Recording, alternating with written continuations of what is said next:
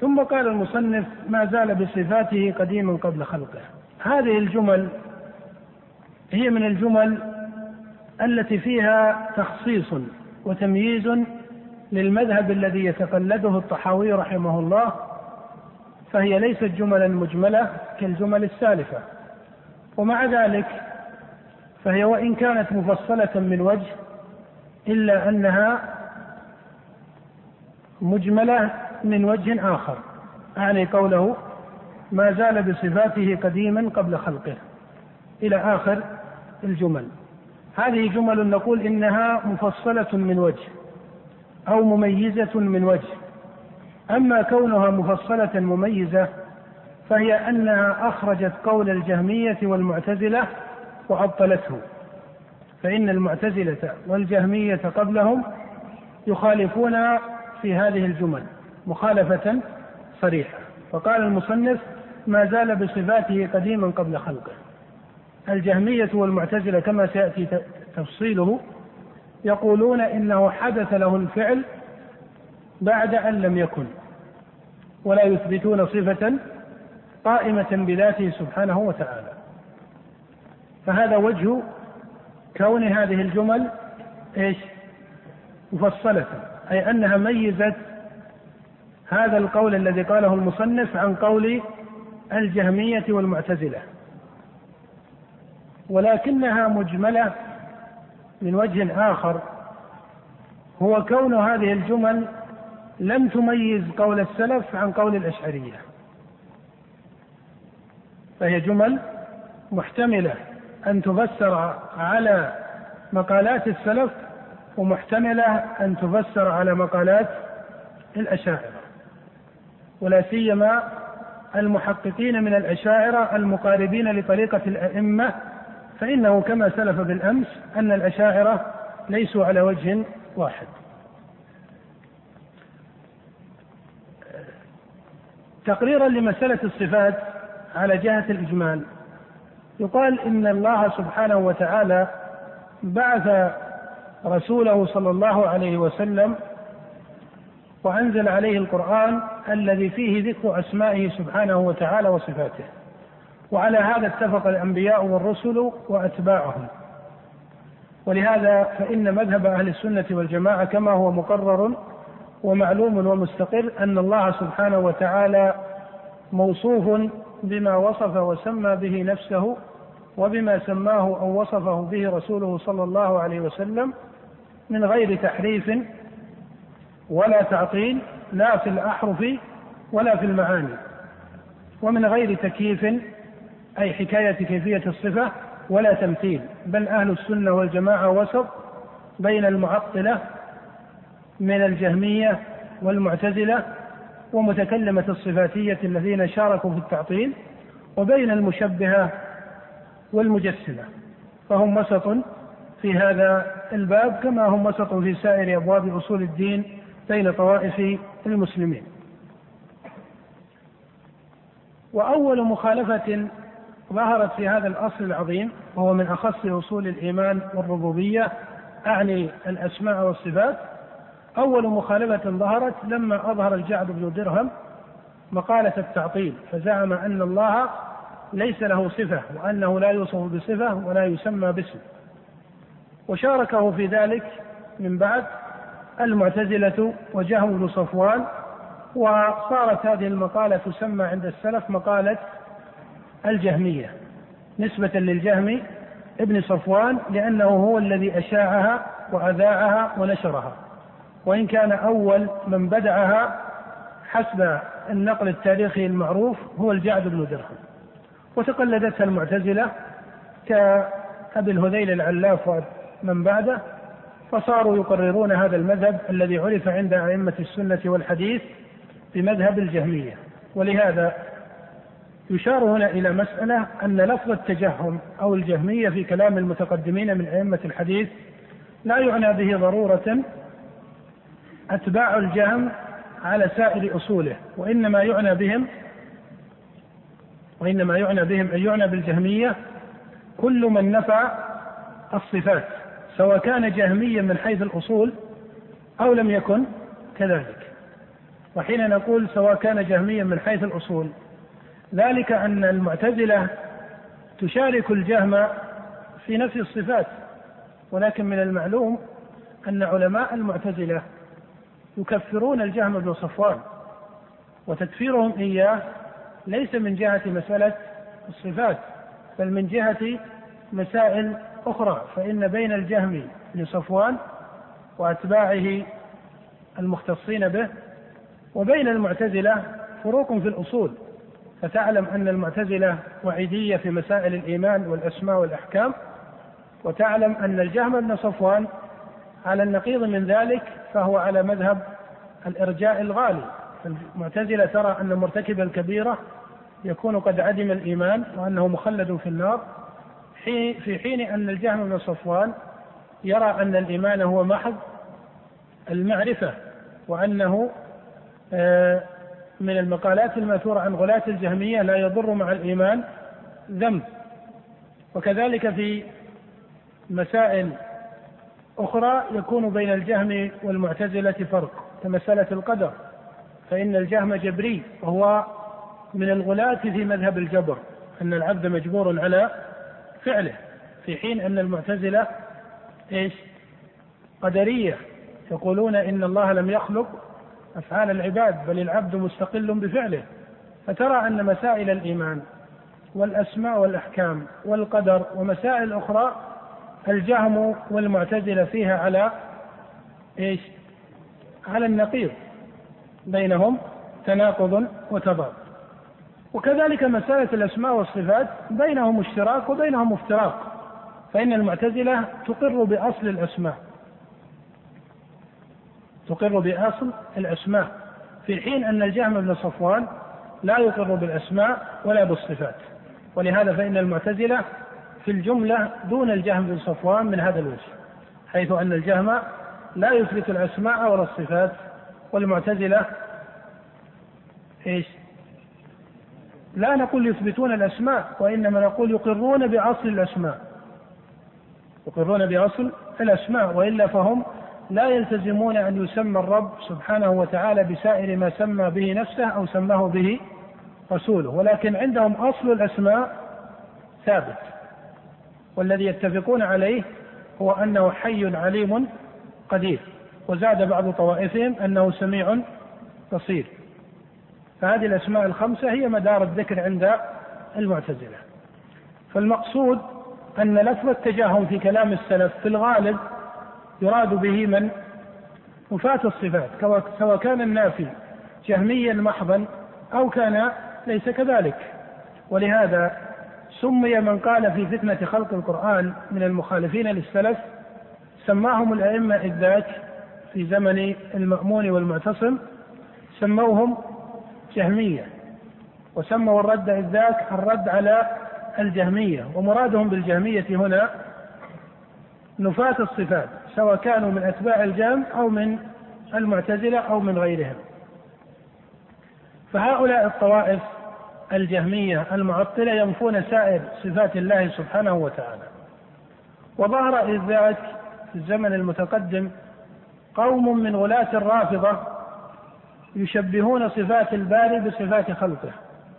وأول من حفظ عنه مذهب التشبيه هم طائفة من غلاة الرافضة الإمامية كهشام بن الحكم الرافضي وهشام بن سالم الجواليقي وأمثال هؤلاء. فلم يكن إذ ذاك في الناس إلا أحد ثلاث مقالات زمن الاختلاف. مقالة السلف وهي الأصل المجمع عليه بين الصحابة وأئمة التابعين أن الله موصوف بسائر أسماء أسمائه التي وصف وسمى بها نفسه أو مقالة المعطلة الجهمية نفاة الصفات أو مقالة المشبهة. فكانت المقالات على هذه الثلاث فقط. ثم حدث أن جاء رجلان فيما بعد وبعد القرون الثلاثة الفاضلة جاء أبو الحسن الأشعري وأبو منصور الماتريدي. وكان في آخر زمن الإمام أحمد ظهر قبل هذين الرجلين عبد الله بن سعيد بن كلاب.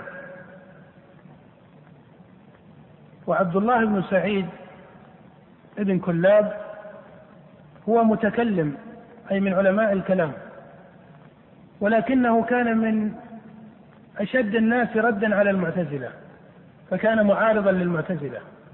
وكان انتحل مذهبا ملفقا من مذهب الأئمة ومذهب المعتزلة. زعم أنه توسط به. فكان يثبت أصول الصفات ويقول بقدمها ولا يثبت صفات الفعل فيقول إن الله موصوف بالكلام ولكن الكلام معنى واحد أزلي لا يتعلق بالقدرة والمشيئة وتبعا لذلك لا يكون عنده بحرف وصوت مسموع.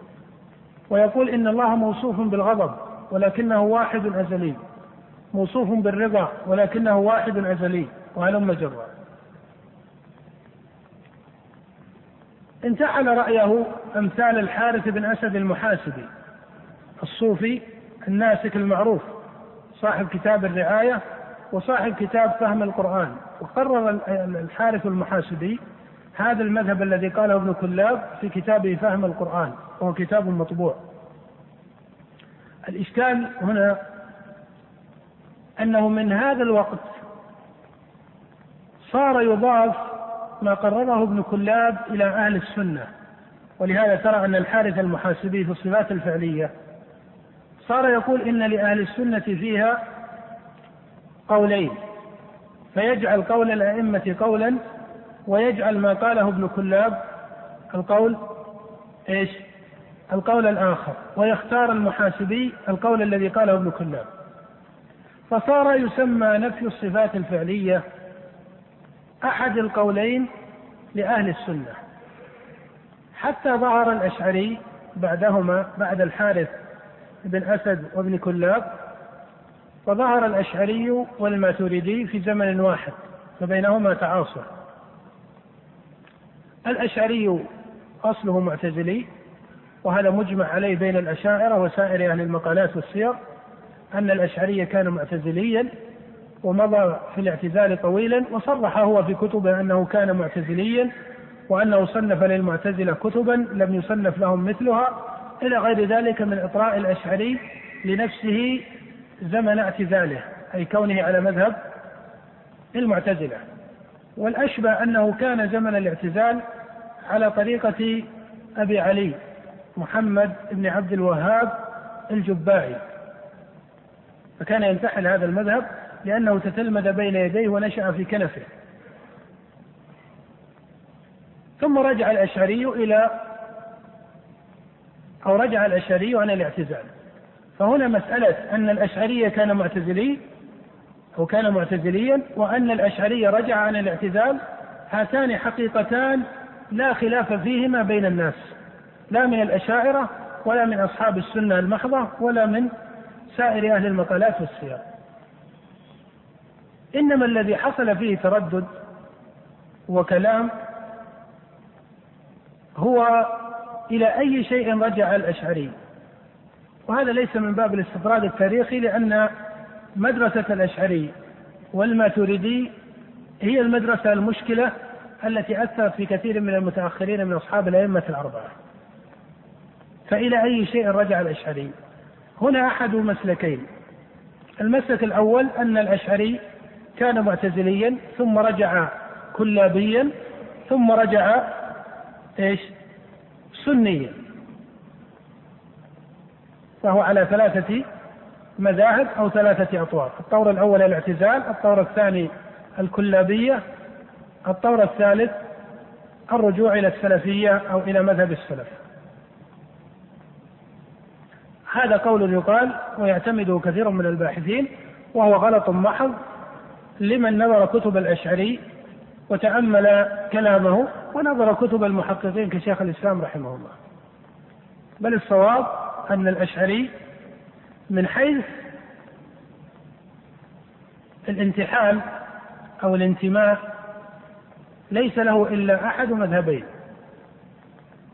المذهب الأول الاعتزال كان ينتحل وينتمي إلى مذهب المعتزلة. ثم لما ترك مذهب المعتزلة انتحل وانتمى إلى مذهب أهل السنة. انتحل وانتمى إلى مذهب أهل السنة. هذا من حيث النسبة والانتماء والامتحان أما من حيث الحقيقة العلمية فإن الأشعري كان معتزليا ثم لما ترك الاعتزال وانتحل مذهب أهل السنة كان كما يقرر شيخ الإسلام في منهاج السنة وغيره قال كان الأشعري علمه أو كان علم الأشعري بالكلام وأصوله أي بعلم الكلام وأصوله ومقالات المتكلمين من المعتزلة وغيرهم علما مفصلا. وكان علمه بمقالات السلف والأئمة علما مجملا. قال وأخذ مذهب أهل السنة من الأئمة عن بعض حنبلية بغداد. فتلقى هذا المذهب عن بعض الحنبلية في بغداد الذي كانوا ينسبونه ويقررونه مذهبا للإمام أحمد بن حنبل فأخذه أخذا مجملا. فصار الأشعري يقصد إلى تحقيق مقالة الأئمة لكن لكون العلم الذي عنده علما مجملا لم يحقق ذلك. فصار الأشعري عنده نوع ترقي إلى الأفضل فترى أن كتبه الأخيرة كالإبانة هي أجود كتبه وإذا ما قارنت بين كتاب الإبانة وكتاب اللمع مثلا ترى أن بين الكتابين إيش؟ أن بين الكتابين فرقا وأن كتاب الإبانة أجود بكثير من كتاب اللمع. لكن مع هذا فإن الأشعري لم يخلص إلى السنة المحضة إلى آخر كتبه. بل بقي مختلطا عليه مسائل كثيرة وأخص ذلك مسألة الصفات والقدر والإيمان. هذه المسائل الثلاث مختلطة عند الأشعري حتى في كتبه الأخيرة. فهو في الصفات على طريقة ابن كلاب بل إن ابن كلاب أجود حالا من الأشعري كما يصرح بذلك الإمام ابن تيمية رحمه الله في مواضع كثيرة لماذا؟ لأن ابن كلاب في مسألة الغضب والرضا ونحوها من الصفات يثبتها ويقول إن الله موصوف بالغضب ولكنه واحد أزلي أي أن ابن كلاب لا يفسر الغضب والرضا بماذا؟ لا يفسرها بإيش؟ لا يفسرها بالإرادة بل يثبتها صفة أزلية. في حين أن الأشعري يفسر الغضب والرضا بصفة الإرادة. ولهذا فإن ابن كلاب أجود حالا من الأشعري في الصفات حتى الأشعري في آخر أمره. فالقصد أن الأشعري في باب الصفات بقي كلابيا بل إن ابن كلاب أجود حالا منه. وكذلك في القدر فإن الأشعرية في القدر أبطل الجبر لفظا وأبطل مذهب المقدرية المعتزلة ولكنه قال بالكسب فوافق السنة والجماعة لفظا حيث أن لفظ الكسب لفظ مستعمل في القرآن مضافا إلى العباد لها ما كسبت وعليها ما اكتسبت كل نفس بما كسبت إلى غير ذلك ولكنه لما فسر الكسب فسره تفسيرا جبريا فقال إن للعبد قدرة ومشيئة مسلوبة التأثير يقع الفعل عندها لا بها فهو جبري ولكنه جبر دون جبر الجبرية المحضة. ولهذا ترى أن علماء الأشاعرة كالشهرستاني مثلا قال إنما قرره أبو الحسن في هذا المقام جبر متوسط. وكذلك الرازي يقول الكسب معناه أن العبد مجبور في صورة مختار. فهذا المذهب هو أحد مذاهب الجبرية. وهذا صرح به أئمة الأشاعرة كأبي المعالي الجويني في أول أمره وكالشهرستاني مثلا وكمحمد بن عمر الرازي وأمثالهم صرحوا أن مذهبهم مذهب جبري ولكنه جبر متوسط لماذا؟ لأنه كان منغلقا على الأشاعرة مسألة القدر ويرون أو يتوهمون أنه لا يصح في هذا إلا قول القدرية أو قول الجبرية. ومن هنا اختاروا مذهب الجبر. كذلك في مسألة الإيمان الأشعري يقول إن الإيمان هو التصديق. وهو بهذا مقارب لقول غلاة المرجئة وإن كان ليس مثلهم فالقصد أن الأشعرية قرر هذه المسائل في كتبه وهو في سائر كتبه ينتحل مذهب من؟ أهل السنة أو أهل السنة والجماعة. وفي آخر كتب الأشعري صار يتباعد عن المسائل المفصلة التي لم يحكمها وينطق بالعبارات السلفية المجملة ويدعها على إجمالها. ينطق بالعبارات السلفية المجملة ويدعها على إجمالها أي أنه لا يتكلم في تفصيلها أو تفسيرها.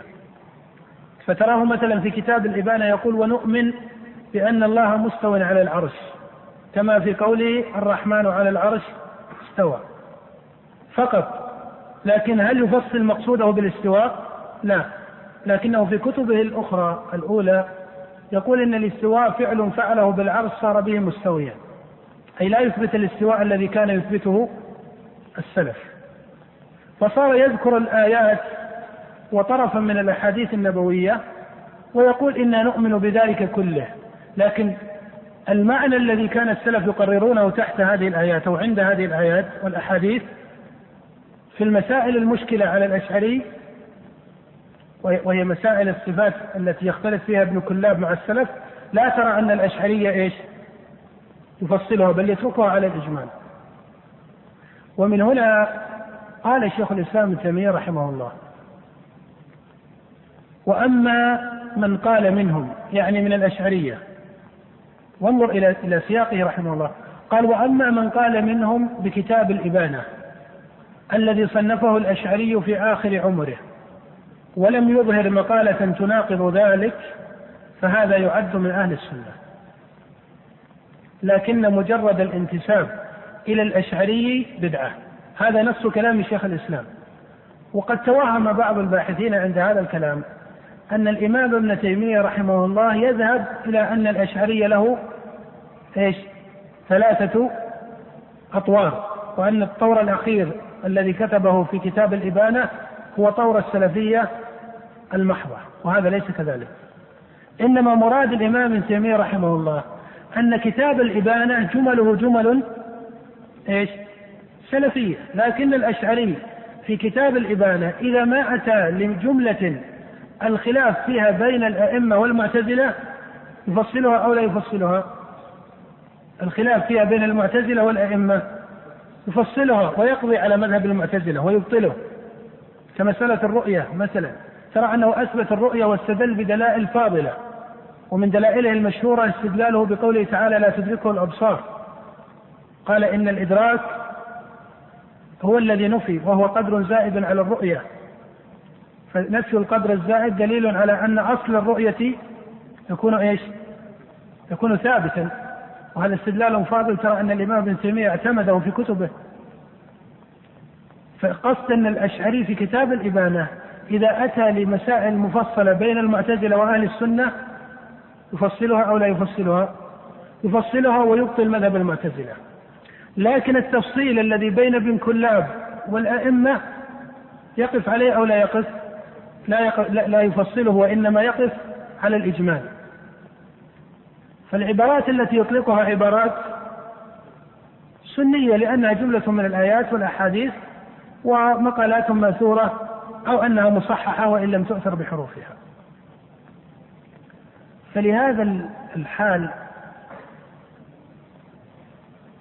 صار مذهب أبي الحسن الأشعري مذهبا مشكلا وإشكاله من جهتين أنه ينتحل مذهب أهل السنة ويقول إنه على مذهب الإمام أحمد بن حنبل وهذا صرح به في أول كتاب الإبانة لما قال فإن قيل فما فإن قيل قد أبطلتم قول المعتزلة والخوارج والمرجع فما قولكم الذي تقولون به؟ ودينكم الذي تدينون الله به؟ قال هو ما كان عليه أصحاب رسول الله صلى الله عليه وسلم ثم أثنى على الصحابة خيرا ثم قال ونحن بكل ما يقول به أبو عبد الله أحمد بن حنبل قائلون ولما يعتقد معتقدون فإنه الإمام الفاضل والرئيس الكامل. فكان متشبثا بالانتماء للإمام أحمد بن حنبل حتى إن بعض الحنابلة كأبي بكر عبد العزيز كان يعده من متكلمة الحنابلة. فالقصد أن مذهب الأشعري أشكل من وجهين. الوجه الأول أنه انتسب إلى مذهب الأئمة وبالتخصيص إلى مذهب الإمام أحمد. الثاني أنه في كتبه الأخيرة صار يجمل في المسائل التي بين ابن كلاب والسلف فيها خلاف. ويستعمل الجمل المجملة الصحيحة من حيث حروفها. ولهذا السبب انتحل مذهب الأشعري خلق كثير من الفقهاء أو تأثروا به. أما الماتريدي فكان مشهورا ومعروفا بالرد على طائفة من المعتزلة ولكنه وإن كان يسمي مذهبه مذهب أهل السنة ويقول قال أهل السنة والذي عليه أهل السنة وإجماع أهل السنة إلا أن الماتريدي أكثر مباينة لمذهب السلف من الأشعري فالأشعري خير منه خير منه من جهتين من جهة الانتماء فإن الأشعري لا ترى في كلامه استعمال لفظ الحشوية والنابتة وأمثالها في وصف مقالة المتقدمين من الأئمة في حين أن الماتريدي يستعمل هذا وهو استعمال دخل عليه من كلام المعتزلة فالمعتزلة هم الذين كانوا يسمون مقالات السلف بمقالات الحشوية وأمثالها. من حيث الحقائق العلمية كذلك الأشعري أحسن حالا من أبي منصور الماتريدي. ويمكن أن يقال بطريقة ملخصة إن الماتريدي أقرب ما يكون إلى طريقة أبي المعالي الجويني من الأشاعرة. أقرب ما يكون إلى طريقة أبي المعالي الجويني من الأشاعرة مع أنه معلوم أن الجويني جاء بعده. لكن من حيث الحقائق العلمية فإن مذهب الماتريدي يقارب مذهب الجويني. أما أنه مقارب لمذهب الأشعري فلا فبينه وبين الأشعري فرق. والأشعري أجود منه في الاستدلال والمسائل والانتماء والانتحال لأصول الأئمة. ولكن مع هذا فهذين المذهبين أعني مذهب الأشعري ومذهب أبي منصور الماتريدي صار لهما تأثير واسع على الكثير من الفقهاء المتأخرين. فهذه ثلاث مقالات. مقالة المشبهة الأولى الذي قلنا إنه قول من؟ التشبيه قول قول من غلاة الرافضة. الرافضة ليس لهم ثبوت على مذهب. فحصل في مذهب المعتزلة نوع من الميل إلى التشيع. لما ظهرت المعتزلة البغدادية صار البغداديون من المعتزلة يطرون علي بن أبي طالب كثيرا. وصار طائفة من البغداديين يفضلون علي بن أبي طالب على أبي بكر وعمر. فلهذا الاطراء والميل الذي وقع في طائفة من البغداديين من المعتزلة بدأ الم... بدأت الرافضة أو بدأت الإمامية تتأثر بأصول من؟ بأصول المعتزلة. وكما قال الذهبي إنه بعد المئة الثالثة التقى الرفض والاعتزال أي حصل بين هؤلاء وهؤلاء تداخل في الأصول. ولهذا ترى أن أئمة الإمامية من الرافضة ترى أن أئمتهم من بعد المئة الثالثة يقررون في مسألة الصفات ومسألة القدر مذهب إيش؟ مذهب المعتزلة. من بعد ظاهرة المعتزلة البغداديين الذين كانوا فيهم ميل أو نوع من التشيع لعلي بن أبي طالب رضي الله تعالى عنه. مذهب التشبيه على هذا الاعتبار كاد أن يندثر ولم يكن له انتصار وكان مذهبا باطلا وظاهر البطلان. حتى جاء محمد بن كرام السجستاني فأظهر مقالة التجسيم وقال بأن الله جسم تعالى الله عن ذلك وهو لفظ لم يطلقه السلف إثباتا ولا نفيا. فقال إن الله جسم وصار له أتباع من الحنفية خاصة وبعض غيرهم ولكن بقي مذهب التجسيم الذي انتحله ابن كرام مذهبا ضعيفا ليس له رواج. إنما الذي اشتد أمره في المتأخرين هو مذهب أبي الحسن الأشعري. حتى مذهب المعتزلة الأوائل تأخر لأنه استقر فيما بعد كما كان مستقرا من قبل أن مذهب المعتزلة مباين لمذهب من؟ الأئمة.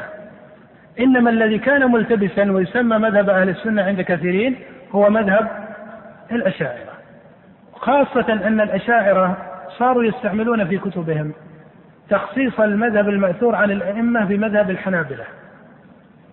ولهذا ترى الرازي إذا ذكر مسألة العلو يقول ولم يقل بهذا إلا الحنبلية والكرامية مع أن هذا القول هو القول المجمع عليه بين السلف وإن كان الرازي يغلط في سياقه وتقريره. المحصل هذا محصل مهم أن ينتبه له طالب العلم في هذا الغلط الذي حدث في مسألة الصفات.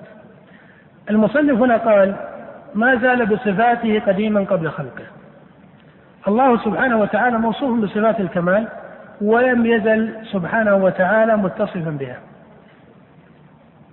وقوله قبل خلقه هذا الاستعمال تقدم أن فيه إجمال من جهة اجمالا من جهة وأن فيه تفصيلا من جهة أخرى.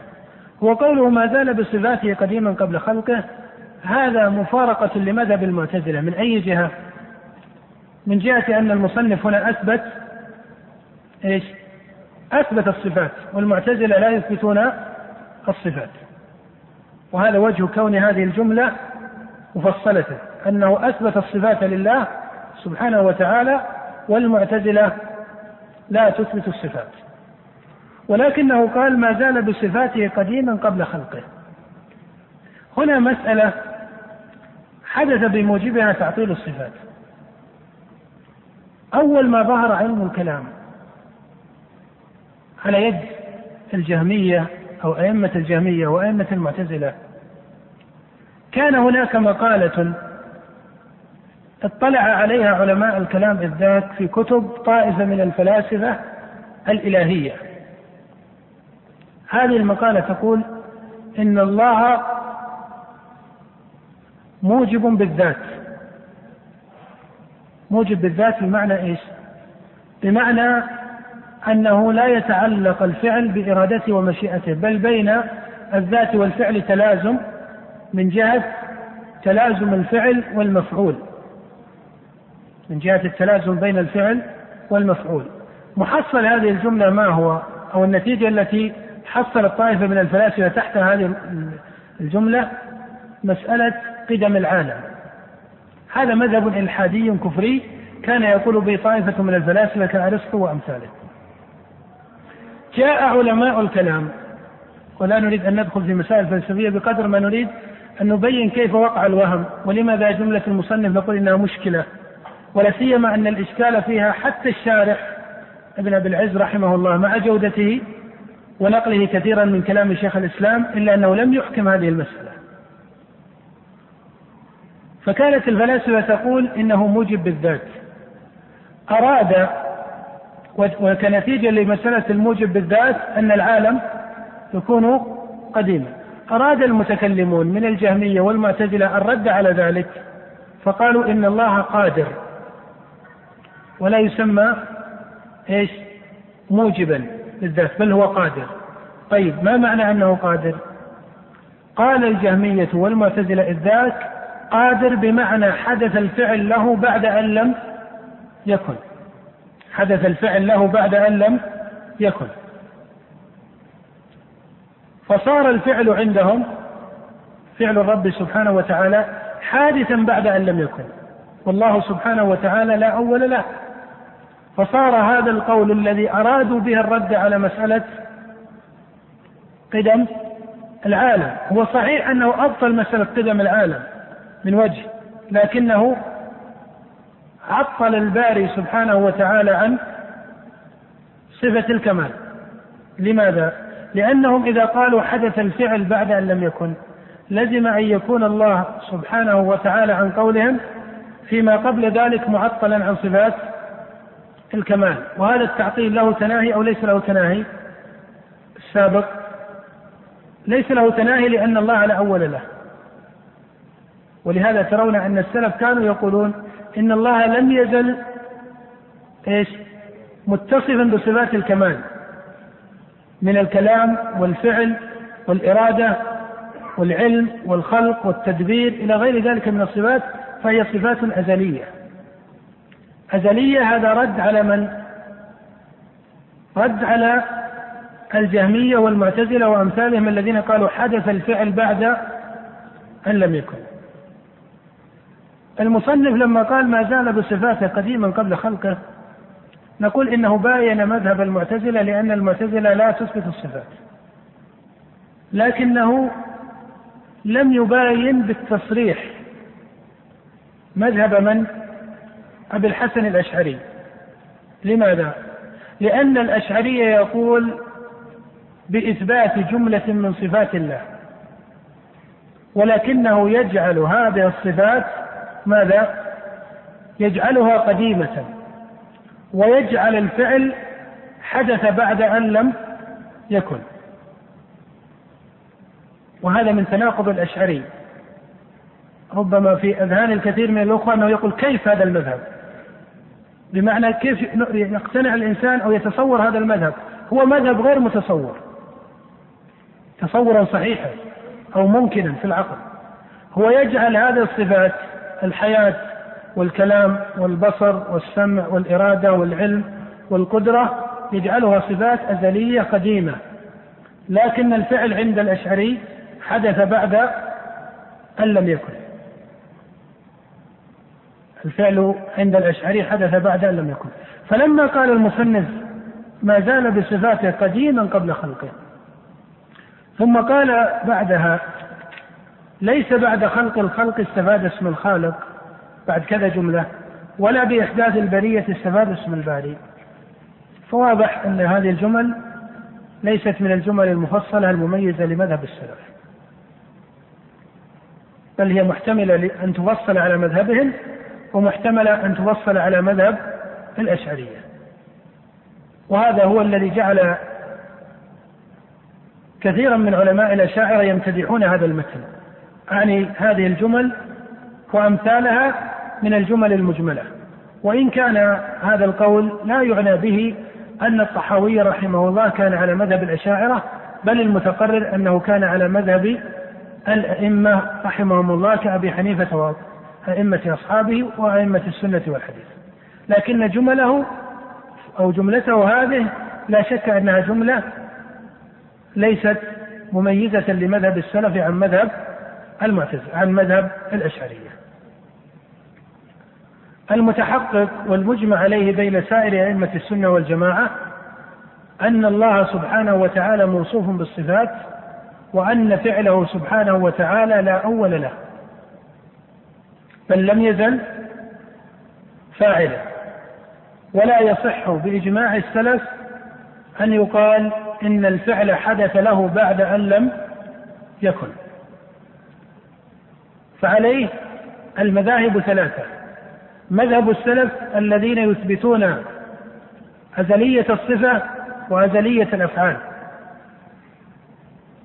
ومذهب المعتزلة الذين ينفون الصفات ويقولون بأن الفعل حدث بعد أن لم يكن.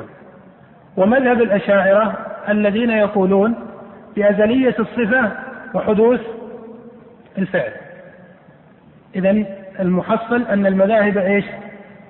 ثلاثة. مذهب السلف الذين يقولون بأزلية الصفات وأزلية الأفعال. فلم يزل الرب فاعلا كما أنه لم يزل متصفا بصفات الكمال وأفعاله من صفاته. هذا المذهب المجمع عليه بين السلف وهي مسألة دقيقة لا بد من فقهها. المذهب الأول أن الرب سبحانه وتعالى لم يزل متصفا بالصفة وإيش؟ والفعل. ومسألة الفعل هي المسألة المهمة مع الأشاعرة. المذهب الثاني مذهب المعتزلة نفاة الصفات الذين ينفون الصفات ويقولون إن الفعل حدث بعد أن لم يكن. فهذا تعطيل محض وهذا مذهب الجهمية والمعتزلة. المذهب الثالث وهو مذهب الأشعرية الذين يقولون بأزلية الصفات أو وعبارتهم المشهورة في كتبهم قدم الصفات. ما هي الصفات القديمة عندهم؟ يتفقون على سبع. يتفقون على سبع. الحياة والكلام والبصر والسمع والإرادة والعلم والقدرة. ويزيد بعض متقدميهم ومحققيهم غير هذه السبع. لكن ما يتفقون عليه أو يختلفون فيه فكل ما يثبته الأشعرية من الصفات فإنهم يجعلونه قديما. وأما الفعل عندهم فحدث بعد أن لم يكن. إذا الفرق بين مذهب الأشعرية والسلف من جهة أزلية الصفات. يتفقون على أزلية الصفات ولكن يختلفون في الفعل. فالأشعرية يقولون حدث الفعل بعد أن لم يكن. والسلف يقولون أن الله لم يزل فاعلا. في المسألة الأولى حين قلنا إنهم يتفقون على أزلية الصفات. هذا الاتفاق اتفاق مجمل بمعنى لا يعني أن مذهب السلف في الصفات من جهة أزليتها هو مذهب أو موافق لمذهب الأشاعرة بل بينهم فرق من جهة حقيقة ما يثبت من الصفات من جهة ما تتضمنه الصفة من الفعل كصفة الكلام مثلا فإن السلف يقولون إن الله لم يزل متكلما أو موصوفا بصفة الكلام الأشاعرة تقول إن الله لم يزل إيش؟ موصوفا بصفة الكلام. لكن ما معنى الكلام عند الأشاعرة؟ معنى واحد قائم في النفس ليس بحرف ولا صوت. السلف يقولون إن الكلام بحرف وصوت ويتعلق بالإرادة والمشيئة إلى آخره. فحين نقول إنهم يتفقون فهذا اتفاق مجمل أم مفصل؟ مجمل. وهذه مسألة أنبه إليها. ترى في كلام شيخ الإسلام ابن تيمية رحمه الله ولا سيما في كتبه الكبار أنه إذا أراد الرد مثلا على الأشعرية كرده على الأشعرية مثلا في مسألة الحكمة والتعليل.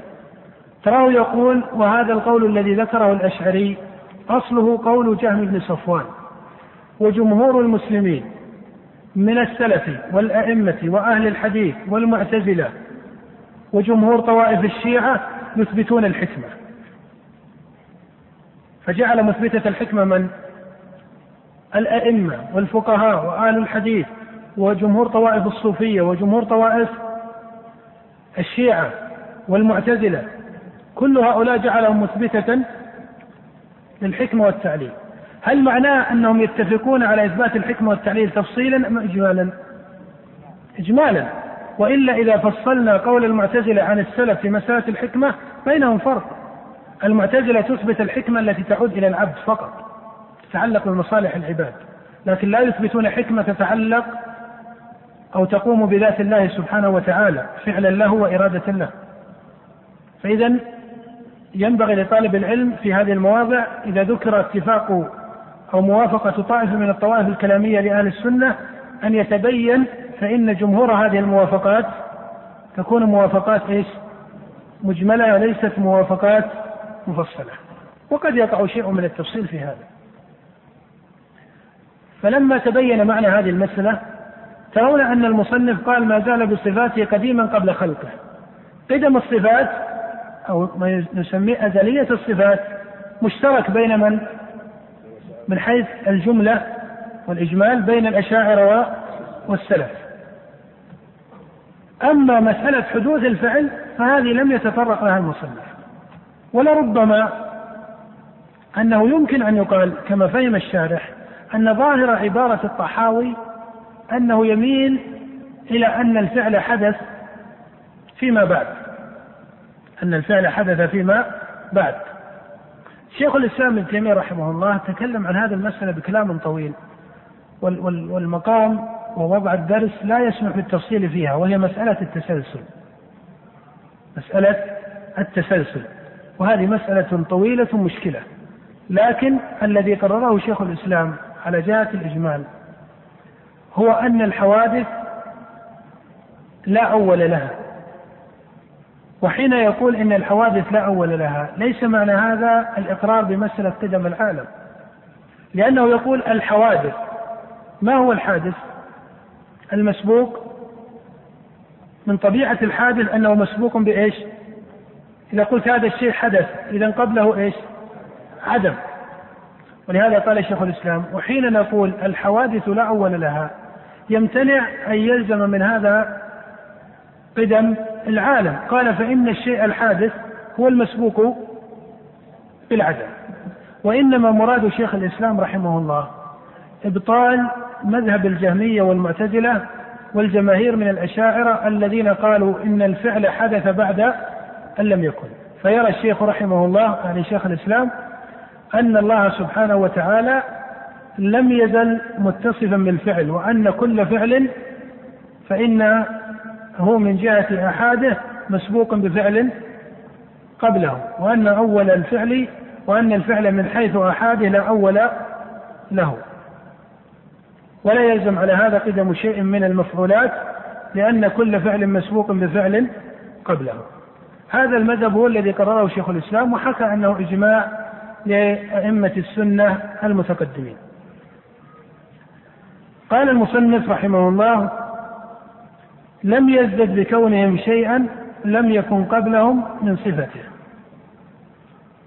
أيضا هذه جملة ليست بذاك.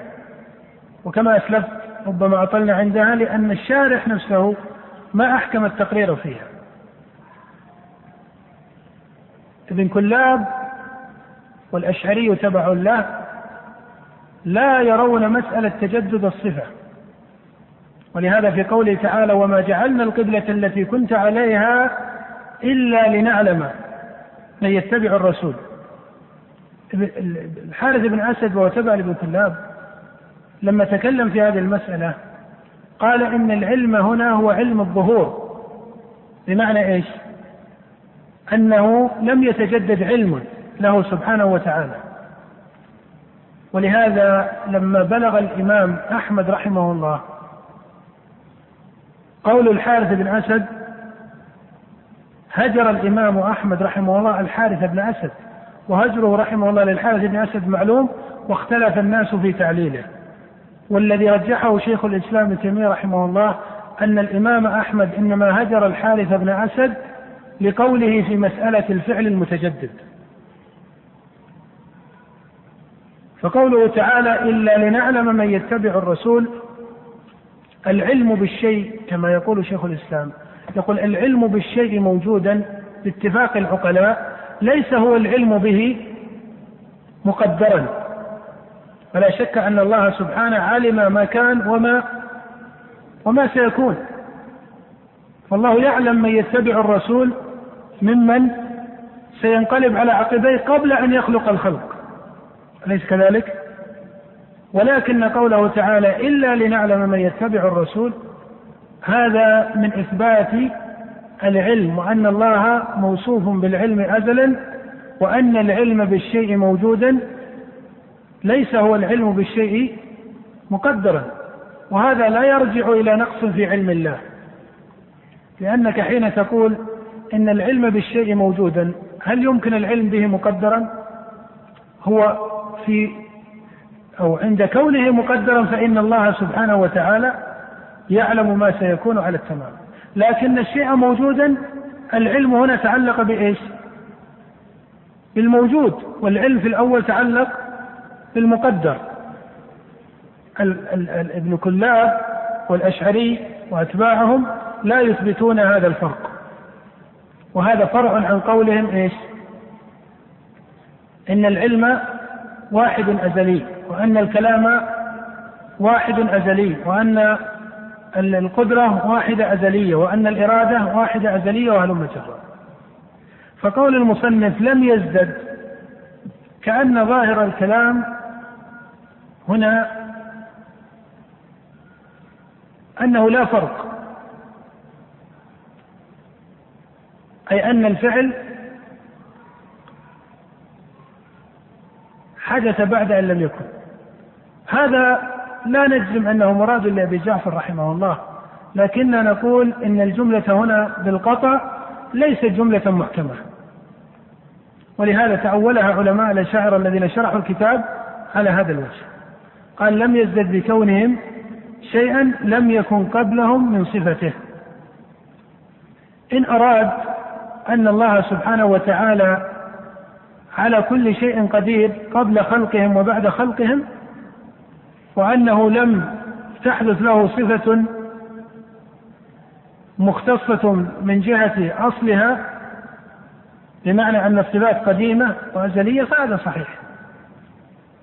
وإن أراد أن صفة الفعل لا أثر لها في ذاته سبحانه وتعالى فلا شك أن هذا هو المذهب الذي كان يقول به الأشعري وابن كلاب ويرون أنه لا فرق في أفعال الرب سبحانه بين حاله سبحانه قبل الفعل وبعده. قال وكما كان بصفاته أزليا كذلك لا يزال عليها أبديا. هذه جملة حسنة. فإنه يقرر رحمه الله أن الله سبحانه لم يزل ولا يزال متصفا بصفات الكمال. يقرر أن الله لم يزل ولا يزال متصفا بصفات الكمال وهذا متفق عليه بين أئمة السنة والجماعة وهي جملة لا إشكال فيها. ثم قال ليس بعد خلق الخلق استفاد اسم الخالق ولا بإحداث البرية استفاد اسم الباري. قوله ليس بعد خلق الخلق استفاد اسم الخالق ولا بإحداث البرية استفاد اسم الباري. إن أراد أن صفاته سبحانه وتعالى أزلية وأن الله سبحانه وتعالى له الصفات ولم يكن شيء معه فإن الله هو الأول كما قال النبي صلى الله عليه وسلم اللهم أنت الأول فليس قبلك شيء. فصفاته ليست محصلة من مفعولاته فهذا صحيح. وإن أراد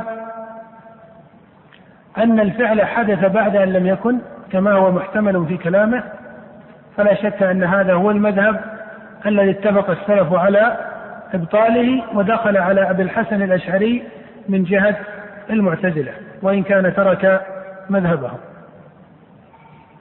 نعم قال له معنى الربوبية ولا مربوب ومعنى الخالق ولا مخلوق. نعم هذا تأكيد لما تقدم في حرف الطحاوي له معنى الربوبية ولا مربوب أي قبل وجود المربوب. ومعنى الخالق ولا مخلوق أي أنه له اسم الخالق ولا مخلوق أي قبل وجود المخلوق.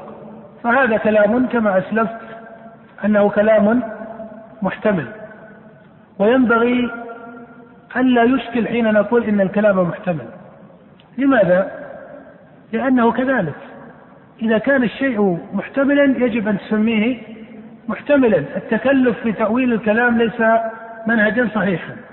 هو تقول إنه كلام محتمل ثم تفسره بما هو مناسب لمقاصد السلف وتفسيراتهم ومن هنا يكون هذا الرسالة أو تكون هذه الرسالة من رسائل أهل السنة والجماعة على هذا التقرير. لكن مع ذلك يبقى أن تقدر أنها رسالة ليس فيها ذاك التفصيل الدقيق ولا سيما للمسائل المشكلة بين الأشعرية وبين السلفية أو بين أهل السنة المحضة. وباختصار يمكن أن نقول عن رسالة الطحاوي. إنها مميزة تماما لمذهب أهل السنة عن مذهب المعتزلة. هذا لا إشكال فيه. أما تمييزها لهذا المذهب يعني مذهب أهل السنة عن مذهب الأشعرية فالأمر ليس كذلك على التمام. وحين نقول على التمام بمعنى أن هناك مسائل صرح الطحاوي فيها بكلام يخالف مذهب الأشعرية. ومن هنا يمتدح الطحاوي ويفسر كلامه على مذهب الأئمة رحمهم الله. نعم. قال وكما أنه يحيي الموتى بعدما أحيا. استحق اسم استحق هذا الاسم قبل إحيائهم. كذلك استحق اسم الخالق قبل إنشائهم. هذه المسألة لها جهتان.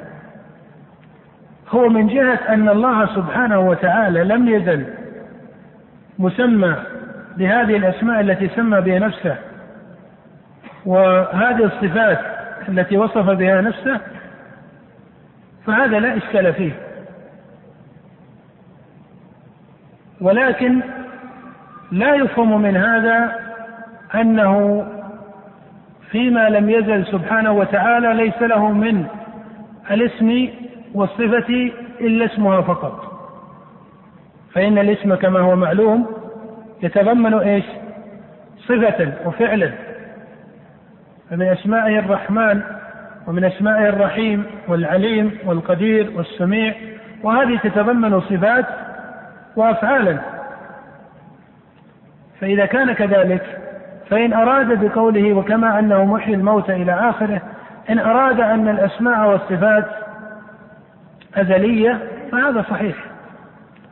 وإن أراد أن المقصود من أزليتها اسمها فقط وأن حقائقها حدثت بعد أن لم تكن فلا شك أن هذا مذهب باطل وهو المذهب الذي كان ينتحله على الحقيقة الأشاعرة وإن كانوا يجملون في حروفه ولكن مذهبهم على التحقيق يصل إلى هذا المعنى. نعم.